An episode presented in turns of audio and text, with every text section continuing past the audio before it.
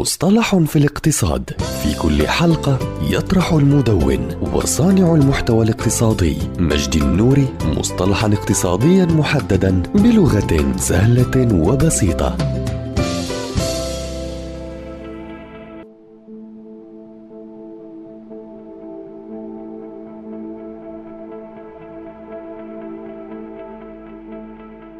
السوق المتقدمة. السوق المتقدمة من ناحية الاستثمار هي الدولة الأكثر تطورا من حيث اقتصادها وأسواق رأس المال ويجب أن تكون الدولة ذات دخل مرتفع ولكن هذا يشمل أيضا الانفتاح على الاستثمار الأجنبي وسهولة حركة رأس المال وكفاءة مؤسسات السوق. ويتناقض هذا المصطلح مع السوق النامية والأسواق الناشئة. أما الأسواق الحدودية فهي نوع من أنواع الأسواق النامية. ووفقا لهذا المفهوم فإننا قد نجد دولة عملاقة مثل الصين لم تدرج ضمن الدول المتقدمة وذلك لاعتبارات داخلية مثل أنها قد لا تكون منفتحة بالشكل الكامل على الاستثمارات الأجنبية.